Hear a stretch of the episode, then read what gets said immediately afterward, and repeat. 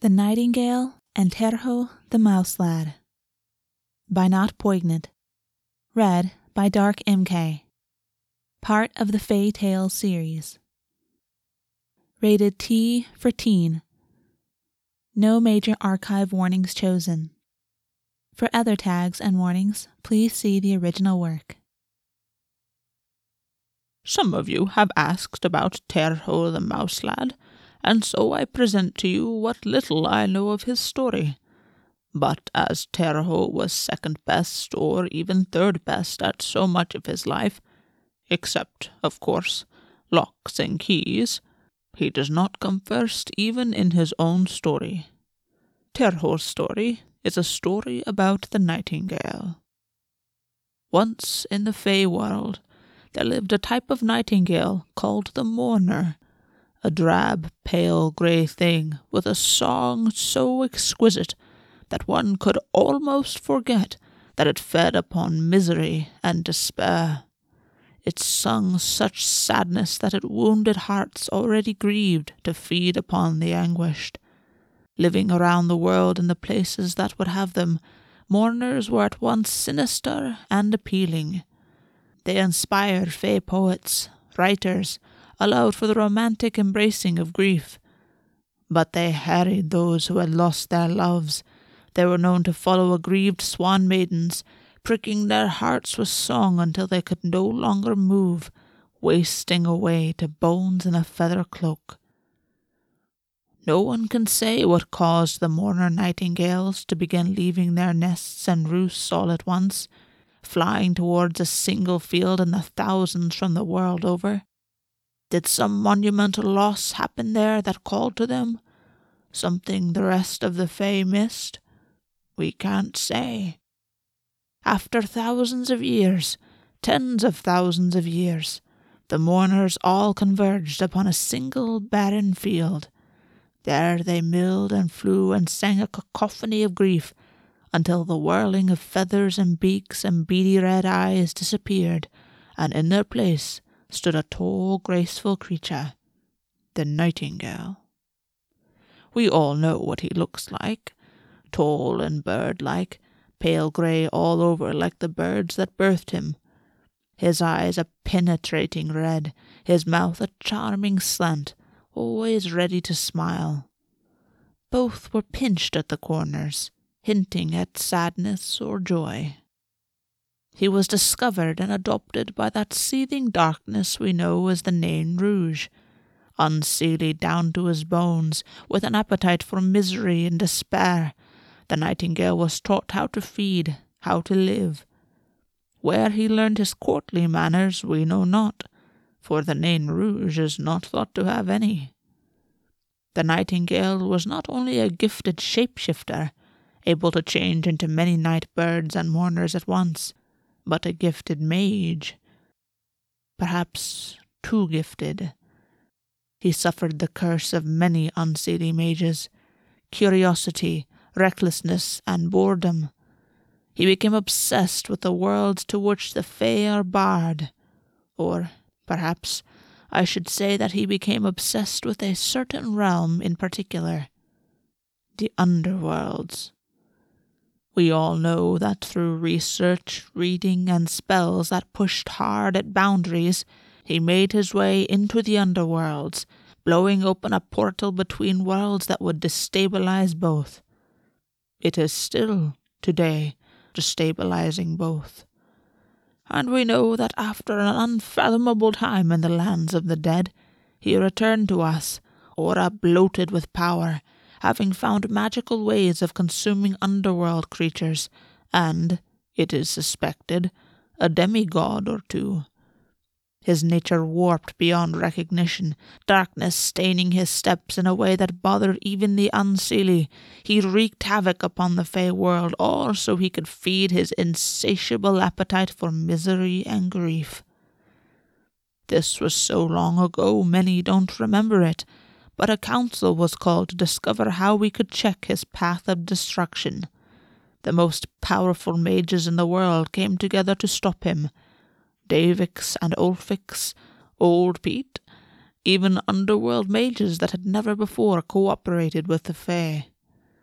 Together, we forced the nightingale into his weaker bird form, then sealed that single mourner nightingale into an enchanted cage down a forgotten corridor in the place we thought he should rot the underworlds. We combined all our magic to make 100 different doors, 100 different magical and non magical locks. We were not strong enough to kill him, but we were strong enough to stop him. The Fae world returned to as much peace as it could, with the equilibrium between the underworlds and Fae world disturbed. We waited, bided our time, watched to see if the worlds would heal themselves. Now, you see, we come to Terho. Terho, a mouse shifter, was born on the Fae side of Finland to a humble, respected family. His father a tinker, his mother an assistant to a healer. Seelie, Underfae, with a heart song of curiosity, he was a cute little thing. He was leucistic, almost albino, a black stripe parting the centre of his tuft hair and running along his back, marking him as the striped field mouse that he was. He was, by all accounts, sweet and eager to please, a little more timid even than the average mouse. As a child, he showed a knack at healing broken things. I shall not bore you with the apprenticeships he underwent to try and become a healer. It is enough to say that Terho was also a weak little mouse, and prone to illness himself. In the end, Terho became adept at healing those chronic illnesses that rarely find the Fae, those that come about due to curses or magical sicknesses, because of his own. Terho only ever attained the rank of half healer, even that achievement he'd struggled to attain, when he'd come across his healer's book on the underworld, hidden in a chest away from the rest of the healer's books. Here, we'd best not forget that Terho had the ability to unlock any lock. His body in magic was a universal key, and his parents had learned a long time ago not to bother trying to hide anything from him. But the healer, arrogant, or perhaps simply assuming that frail Terho was as second best at this as he was at everything else, believed that book to have an unbreakable lock on it. Of course, his healer was wrong. We all know that. We know that Terho opened that book, that he read through it, feeling more and more disturbed, that, accidentally, his fingers traced a passage that sucked him screaming into the underworlds. We know he was trapped there, Poor little lad. The underworlds are a treacherous place. The energy alone wears at the innate nature of the Fae. Not to mention that there are dark gods, disturbing creatures, demons and ghosts and ghouls, those of the dead who are lost. The very walls care not for one's survival. No Fae is truly equipped to survive down there. Oh, Unseelie can handle it better than most, but a Seelie Fae? A Seelie mouse, lad? Before he had even come of age, Terho was lost, spent wandering in the underworlds, eating alien fungi and grains that grew like warts from the sticky, damp ground. His sicknesses relapsed. He was dying. As sunlight forgot his bones, each step became a misery. Grief bloomed in his heart. He would never see his parents again, his healer, the sky he didn't know he loved quite so much until he could no longer see it. Terho was attacked by an underworld demon. No oddity for Terho at this point, and he ran down a corridor, opening a door and locking it behind him, only to find the strangest thing. Before him was another door, different in appearance. The demon pounded and banged and growled on the door behind him, so Terho made the easy choice. He went through the next door and locked it behind him. He saw another door. Curious and wanting to put as much distance between himself and the demon as possible, Terho made his way through many of those doors.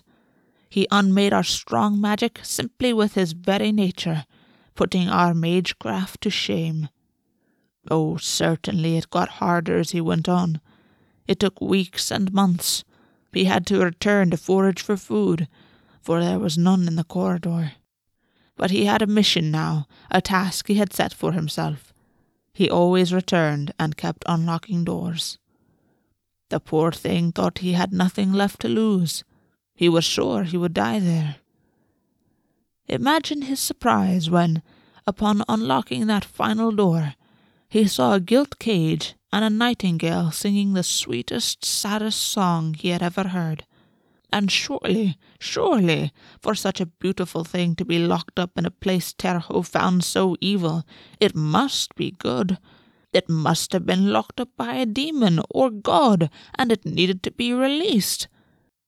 Hardly any Fae remembered that morning nightingales had ever existed, and certainly one so young as Terho had never heard of the malice of the nightingale. But the lock on the cage was not so easy to break. It took Terho a month, and in that time he and the small nightingale became friends. Terho stuttered his way through conversations, talking about his life and his sadnesses, and the nightingale listened to him, tilting its head, cooing appreciation. The cage was unlocked. One nightingale became thousands upon thousands, streaming out and rushing back to the Fae world, leaving Terho behind. But perhaps remembering their debt. The nightingales returned, swirling around the collapsed Terho, transporting him back to the Fae world. Terho was ill, dying. He'd lost his apprenticeship. He was left behind with his healer to convalesce. He could not take up his healing once more, and was alone and touched by so much darkness, so much of the underworlds, that all Fae felt a strange repulsion to be around him. A mourner nightingale visited him sometimes, sang to him, listened to him, but that was the only one who seemed to care enough to pay any attention to him. Let's forget him again, as so many of us do, and return to the nightingale. It took time for the nightingale to have the strength to return to its human form once more, but once he found it, enough time had passed that many had forgotten his face and his story.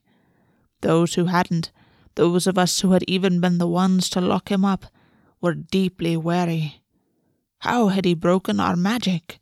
What was his secret? But the nightingale was too powerful, too dangerous, and we could not get close enough to him to seal him up once more. Indeed, we didn't know how to do it again. He'd foiled the magic of the most powerful mages combined. We knew nothing of a mouse lad unlocking him. We wouldn't know of this until it was almost too late. The nightingale promised he meant no harm. He joined the Unseelie court, befriending the much admired Raven Prince. Did he start feeding on the Raven Prince's deep seated grief even back then? he wouldn't have been able to help himself. The nightingale also knew that the tiny mouse lad was owed a debt. Terho had saved his life, but corrupt and evil, a black pit incapable of love or compassion, the nightingale thought not to pay back that debt truly, but to possess the secrets of Terho.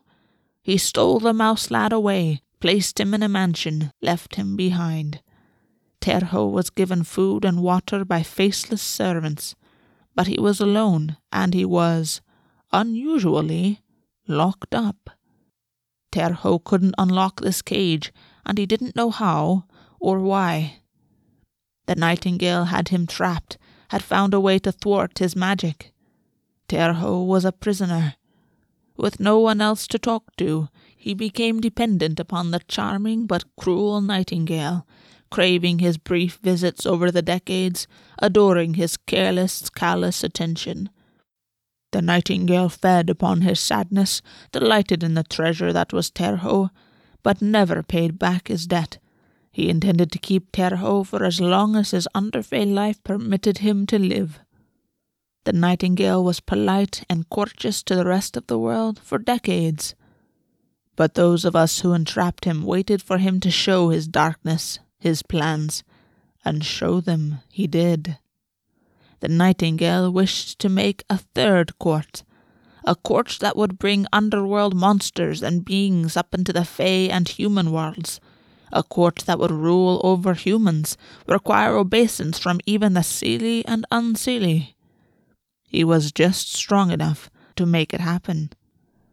The nightingale left the Raven Prince's court and began to create his own court in the human world, reintroducing a sharp, awful awareness of the Fae and those creatures of the underworld into human minds, turning the world to chaos. Unbeknownst to the nightingale, a desperate Seelie war general, fierce warrior, Gwyn ap had started researching the nightingale, and in his travels abroad to discover details of this mad monarch, he discovered the existence of a small mouse lad.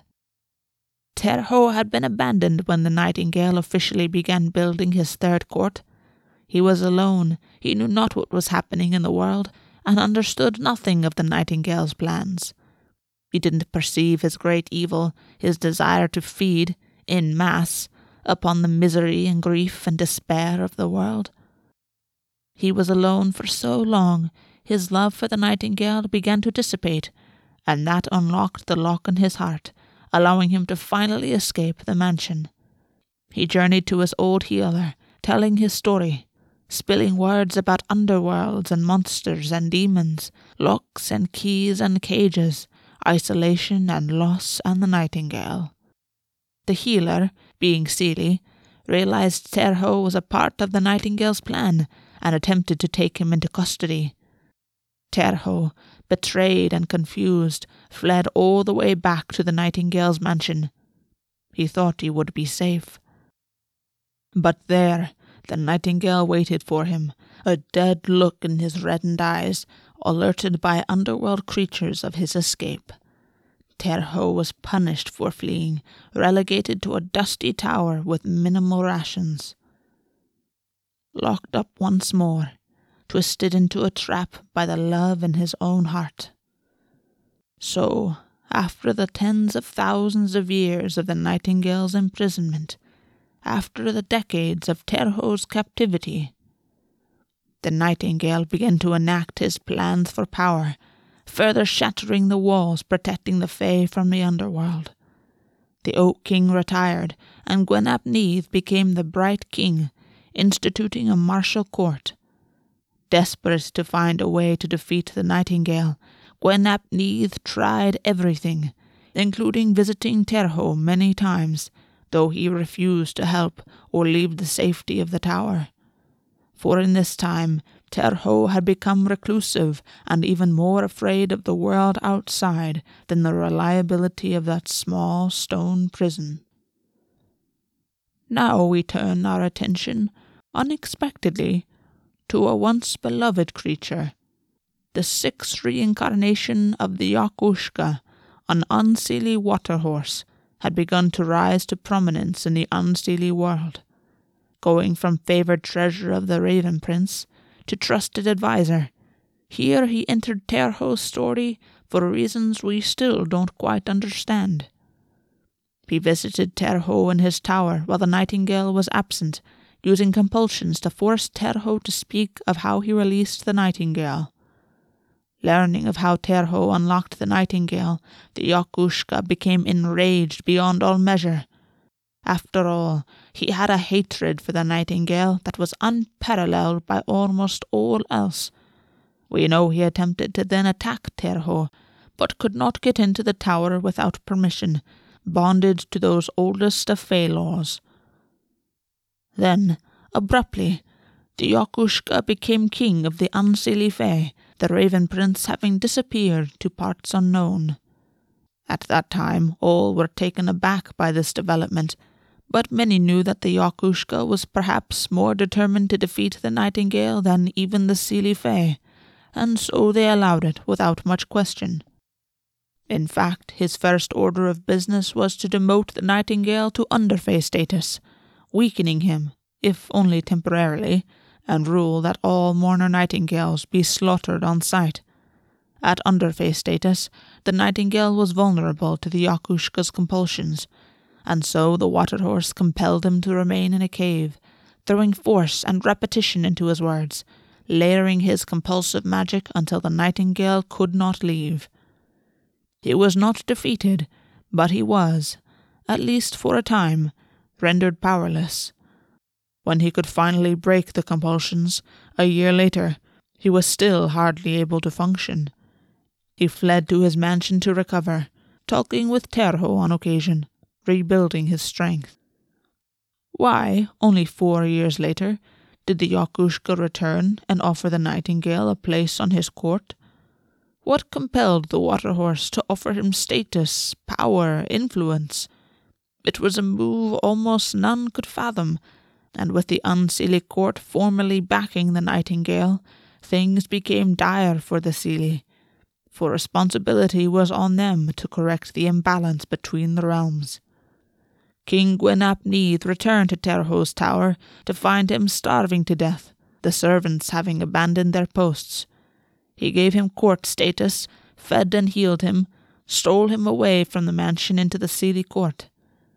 There, the king realized he needed to not only defeat the nightingale once more, for which he hoped to use Terho, but also overthrow the Unseelie court of the Each Uisge, which was unstable and dangerous. What a mess it became. What a mess it was.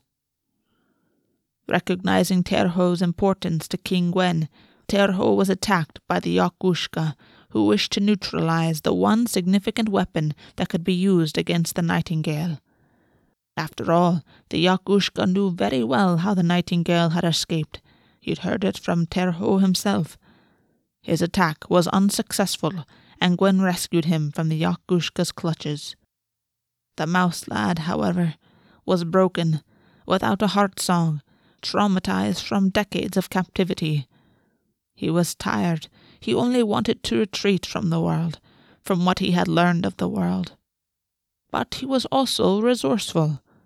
Allied with King Gwyn, a common sight in his half healer's robes by the king's side, Terho revealed that he could lock the nightingale up once more if the nightingale was trapped first in his bird form. So it was that the nightingale was lured by Terho the mouse lad into the underworlds and Terho betrayed his betrayer. Mages made the nightingale into a bird once more, though I wasn't there for it that time, I must admit, and Terho grabbed the bird with his mouse claws and thrust him into the cage, locking it with clever fingers, ignoring his song and locking all one hundred doors behind him. The nightingale was trapped once more. The Fae world knew it had worked, for the mourner nightingales disappeared from the Fae world overnight. No one has heard that sad song again. As for Terho, well, he took on an integral role in defeating the corrupt and fractured Each Uisge. He came to discover that the Each Uisge's unpredictable patterns were because he had been driven mad by the nightingale, though how, exactly, we still don't know for the nightingale never told his side of the story, and Each Uisge is not known to volunteer personal information. So Terho, along with the Each Uisge's adopted brother, the Glashtan, forced sickening underworld creatures into the Each Uisge's body until he broke and rescinded his own kingship. He was taken into Seelie custody, and that's another story for another time. As for Terho, well, what can we say? Everyone knew by then that Terho was the reason the nightingale had been freed in the first place. Terho was the catalyst, and all the damage after that would not have happened if Terho hadn't found a bird and felt bad for it. He was loathed, hated. Attempts were made on his life.